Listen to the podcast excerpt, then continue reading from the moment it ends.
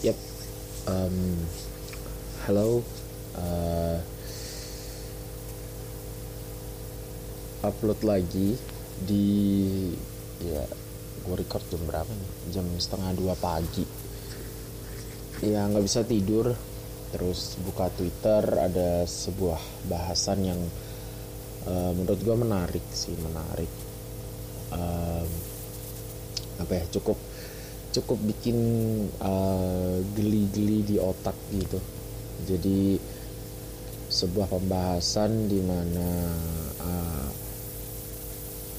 di akun @hrd_bacot itu ada sebuah video gitu yang dia dia apa ya disadur gitu disadur dari media uh, dari Instagram dari Instagram at uh, undercover ID kalau nggak salah. Uh, sorry tapi kalau kalau gue salah. Um, itu tentang wawancara beberapa orang wanita tentang hal apa saja sih yang harus cowok punya pada saat uh, mau menikah. Kayak misal mau ngajakin si cewek ini nikah hal apa saja yang si cowok ini harus punya. Dan most of all itu itu tuh menjawab rumah. Jadi spesifik rumah. Ada sebagian yang menjawab kesiapan mental dan finansial tapi ya sebagian menjawab rumah. Jadi akhirnya uh, jadi sebuah apa ya rentetan pembahasan yang cukup menarik karena uh, banyak yang yang komen kalau gimana nih kalau situasinya dibalik gitu. apa si apa sih yang harus cewek punya atau ya apa sih yang harus cewek punya saat uh, gimana ya uh, kalau misal kita para cowok gitu yang jadi pertimbangan untuk menikahi si cewek itu apa gitu? Ada yang komen kayak gitu. Terus uh, ada juga jawaban dari cewek-cewek yang iya benar sih karena uh, ya mereka jawab berdasarkan pengalaman mereka aja gitu berdasarkan pengalaman mereka bahwa tinggal di rumah dengan orang tua atau mertua itu tuh nggak enak. Karena nanti kebanyakan ikut campur urusan rumah tangga gitu. Yang yang menurut gue juga juga lumayan menarik karena uh, apa ya itu tuh sesuatu yang sering banyak terjadi ya yang banyak terjadi juga uh, di di lingkungan kita gitu. Kayak um, ada salah satu teman gue ada salah satu teman gue yang dia uh, ngeluh gitu dia cerita ke gua kalau dia tinggal bersama orang tua tuh ya nggak enak gitu. Tinggal bersama orang tua tuh nggak enak. Uh, pada pada waktu itu dia cerita jadi gini uh, dia ini beli sate. Ya beli sate ayam. Jadi oh ya sebelumnya di rumah dia gitu di rumah yang dia tinggali itu dia kan numpang di rumah istrinya. Karena dia uh, pindahan dari Jogja dan di sini dia ikut sama neneknya. Jadi jadi dia mutusin buat ikut ke rumah istrinya gitu. Nah terus di rumah istrinya ini ada dua ada dua pasang lagi tiga bers tiga ring tiga pasang lagi kalau bapak sama ibu si bapak sama ibu mertua teman gue ini dihitung ya. Itu berarti ada tiga pasang lagi karena si cewek ini anak ketiga anak ketiga dari tiga bersaudara. Dan semuanya tinggal di rumah itu. Jadi bayangin ada empat pasang yang tinggal di rumah itu. Nah pada suatu hari temen gue ini beli sate. Nah temen gue ini beli sate. Dia beli sate 50 ribu waktu itu. Beli sate 50 ribu niatnya mau buat nyenengin istrinya gitu. Nah berhubung si istri ini belum pulang ditaruhlah tuh si sate di atas meja. Nah kan uh, apa ya di di rumah itu tuh meja makan tuh ada ada satu aja gitu maksudnya. Ada satu aja terus ditaruh sama dia di atas itu. Ditaruh di atas itu. Nah nggak tahu tuh siapa yang ngebuka ngebuka bungkusannya terus habis itu ya orang yang lewat aja gitu lewat makan lewat makan gitu. Sampai istrinya pulang itu tuh satenya habis. Nah sementara si teman gue ini keluar kan keluar dia baru bal baru balik setelah istrinya balik. Terus dia uh, nanya kan ke si istri udah makan atau belum? Gitu. Belum nih gitu. Loh kok belum? Tadi kan aku bawain sate buat kamu gitu. Sate apa gitu? Itu sate ada di meja gitu. Eh buruan makan gitu. Terus temen gue rebahan kan. Rebahan di di kasur gitu. Terus istrinya keluar. Nggak ada nggak ada sate gitu. Nggak ada sate di meja. Temen gue bangun terus ke meja makan. Ke meja makan nggak ada udah nggak ada bungkusannya sama sekali di situ bersih gitu. Terus dia ngeliat ke tempat sampah bungkusnya udah dibuang ke situ. Terus dia keluar lah gitu dia keluar terus ya sebel lah otomatis sebel karena istrinya nggak belum istrinya belum makan. Terus dia sendiri juga belum makan tapi orang lain yang makan gitu. Ditambah ya ini ini ini versi cerita teman gue ya gitu. Dia merasa bahwa istrinya itu terlalu disudutkan oleh saudara-saudaranya gitu. Nah poin gue adalah ya gimana ya kalau emang tinggal sama orang tua ya berarti makanan yang yang lo beliin kalau kalau ini menurut gue ya ini menurut gue makanan yang lo beliin itu harus harus double gitu double di sini bukan bukan untuk dikonsumsi di, dikonsumsi sendiri ya tapi uh, harus double karena satu buat keluarga lu satu lagi buat siapa pun penghuni rumah. Nah, tapi yang jadi seringnya jadi masalah ibaratnya nih, kalau lu punya uang 50 ribu buat beli sate kalau lu tinggal di rumah mertua otomatis lu harus ngeluarin 50 ribu lagi buat nyenengin si mertua lu. Untuk yang 50 ribu selanjutnya ini kan tidak semua orang punya. Buk, uh, dia tidak semua orang punya. Atau mungkin dia mikir untuk keber, ke, kebutuhan yang lain gitu kan. Nah akhirnya si temen gua ini milih buat ngekos. Jadi dia milih buat ngekos karena uh, di rumah itu dia tinggal di satu kamar tapi kayak TV terus e, lemari segala macam itu udah udah ada di satu kamar gitu jadi kayak kalau dia mau pindah ke kosan gitu barang-barang yang ada di kamar tuh dibawa aja tinggal dibawa. Terus tinggal dia tuh di kosan gitu. Ya emang emang gak nyenengin sih emang gak nyenengin kalau tinggal di di di rumah mertua. Maksudnya ya mertua dengan kondisi yang yang tidak menyenangkan.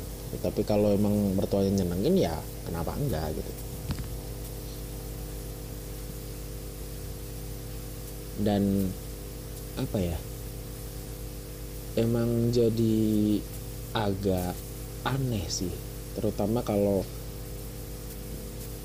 bukan aneh tapi lebih ke awkward aja gitu.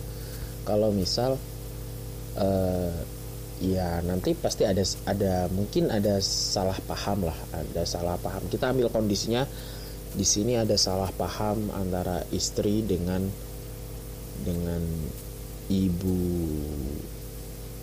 ibu lo gitu. Atau ibu gua dah misal. Kayak gua punya istri terus istri gua ini selek sama ibu gua gitu. Nah gua di sini pasti bakalan bingung ngambil posisi.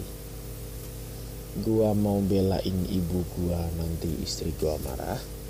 Kalau gua belain istri gua gua kualat sama orang tua. Nah makanya itu itu juga yang jadi pertimbangan orang-orang buat buat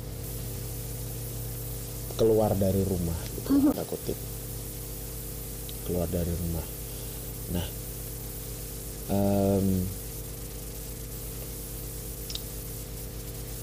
tapi buat keluar dari rumah pun kita tentu punya punya apa ya punya pandangan lah. Maksud gue kayak kita juga harus siap secara finansial terus siap secara mental juga. Nah uh, apa ya? Kalau misal makanya kenapa sih kayak kunci kunci dari pernikahan tuh sebenarnya adalah komunikasi sih. Tetap komunikasi. Komunikasi dan ngerti ngerti satu sama lain gitu. Ngerti di sini kan emang general tapi ya harus ngerti gitu. Ngerti so, ngerti sama si pasangan gitu. Kayak ngerti apa mau dia ngerti gimana pola pikirnya ngerti gimana cara dia bertindak dan lain sebagainya gitu. Kalau nggak ngerti juga yang ada si pasangan ini akan terus nuntut nuntut nuntut dan ya tidak berakhir baik gitu. Makanya kenapa uh, kalau misal gue punya pacar gitu kalau gue punya pacar yang sekarang ini niatnya sih pengen gue kenalin ke ke orang tua gue dulu gitu. Kalau udah orang tua gue cocok nah kan kalau misal mau tinggal serumah pun kalau menantu dan mertua ini cocok kan sebenarnya tidak jadi masalah gitu yang jadi masalah adalah ya itu tadi balik lagi kalau si menantu sama si mertua ini nggak cocok gitu. dan akan ada situasi di mana apa ya lu terjebak di di antara itu gitu kalau misal kriteria kriteria untuk menikah adalah rumah kalau ini menurut gua gua kurang setuju sih karena apa ya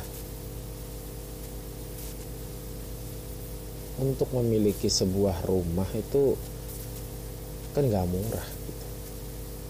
ditambah uh, ya mungkin kalau kita ngomongin orang-orang yang berprivilege gitu yang punya akses lebih itu yang punya hak-hak istimewa dan orang tuanya mampu secara finansial ya ya it's okay lah gitu. Kayak lu lu baru lulus SMA udah punya rumah ya tersalah lu lah gitu. Tapi gue di sini ngomongin sebagai diri gue yang harus apa ya yang harus berjuang lah berjuang lebih keras untuk memiliki sebuah rumah gitu. Kan belum lagi dengan kondisi-kondisi keuangan atau finansial keluarga yang ya, ya yang jelas beda-beda lah gitu. Kalau misal uh, kita ngomongin Rafathar misalnya Rafathar kalau nikah harus punya rumah ya ya ya wajar aja gitu. Tapi kalau kita ngomongin soal mas-mas yang kerjanya sederhana gitu mungkin gajinya UMR ya untuk sebuah rumah kan ya perlu perjalanan yang panjang gitu. Makanya kenapa kuncinya balik lagi ke komunikasi gitu. Mau nggak nih si pasangan dia ajakin buat uh, ngebangun dalam tanda kutip ngebangun rumah gitu. Karena kalau nggak ada komunikasi kayak gitu kalau uh, nerapin standar ke mas-mas yang kerjanya berat tadi ya dia nggak selamanya nggak akan menikah coy gitu.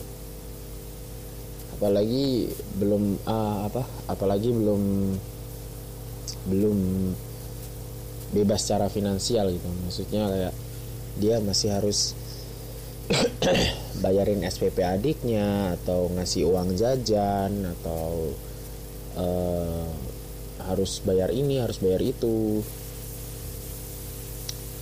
Sementara dia aja nggak pernah nggak pernah menikmati gajinya sendiri secara full gitu. Secara ya semuanya buat gua lah gitu buat gua seneng seneng gitu. Kalau dia masih ada beban ini itu ya kasihan juga kalau diterapkan apa ya kalau ditetapkan standar yang sedemikian tinggi gitu.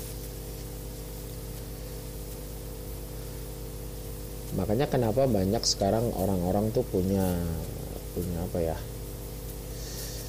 punya pandangan untuk nggak pengen buru-buru nikah lah gitu. Karena apa ya sesuatu soal pernikahan tuh yang terkuak di sosial media tuh selalu soal yang serem-serem gitu. Kayak kalau istri tidak bisa melahirkan dia diselingkuhin. Apa dia ditinggal nikah lagi atau diselingkuhin? Kalau si cowok pengangguran dia bakalan ya uh, bukan pengangguran lah. Kalau pengangguran mungkin mungkin ya oke okay lah masih bisa diterima. Tapi untuk si cowok yang uh, bergaji pas-pasan terus dia ditinggalkan ditinggalkan demi demi cowok yang finansialnya lebih padahal si cowok ini brengsek atau apa gitu. Ya serem gitu. Semuanya serem. Makanya gue pribadi gue nggak pengen apa ya nggak pengen terlalu mikirin banget soal pernikahan. Ya kayak let it flow aja. Nggak nggak pengen yang nggak pengen punya target tertentu untuk menikah di usia berapa di usia berapa itu enggak lah. Karena gue sendiri masih belum belum bebas secara finansial juga. Belum siap secara mental. Ya absolutely.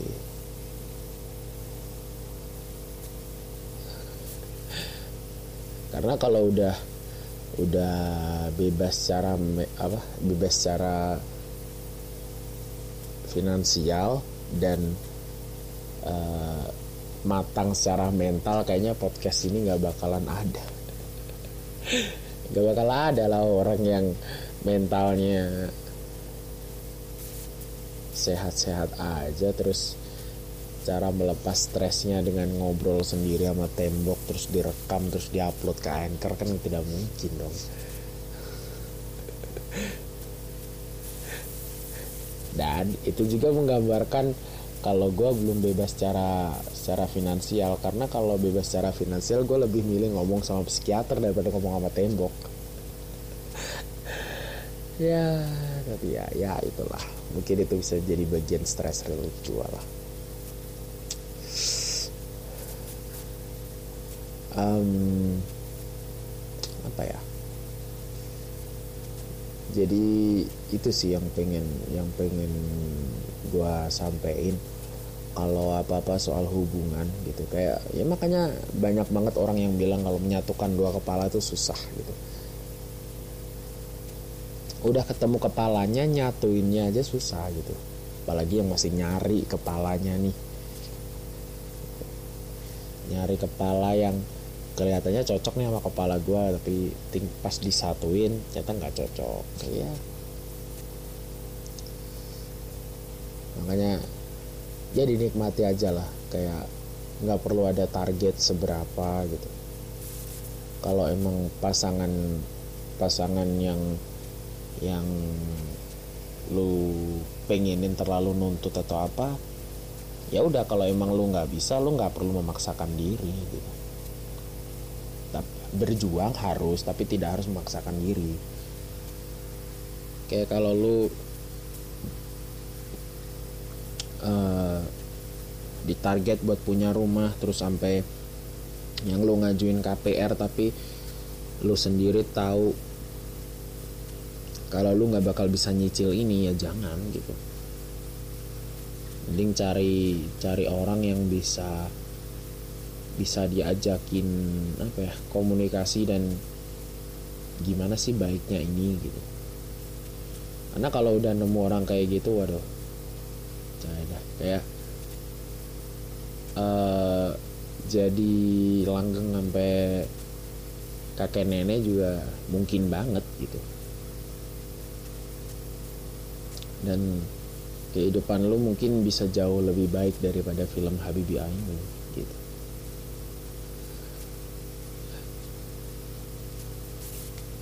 ah ya itu aja sih kayaknya yang pengen gue bahas uh, see you on the next episode. Bye bye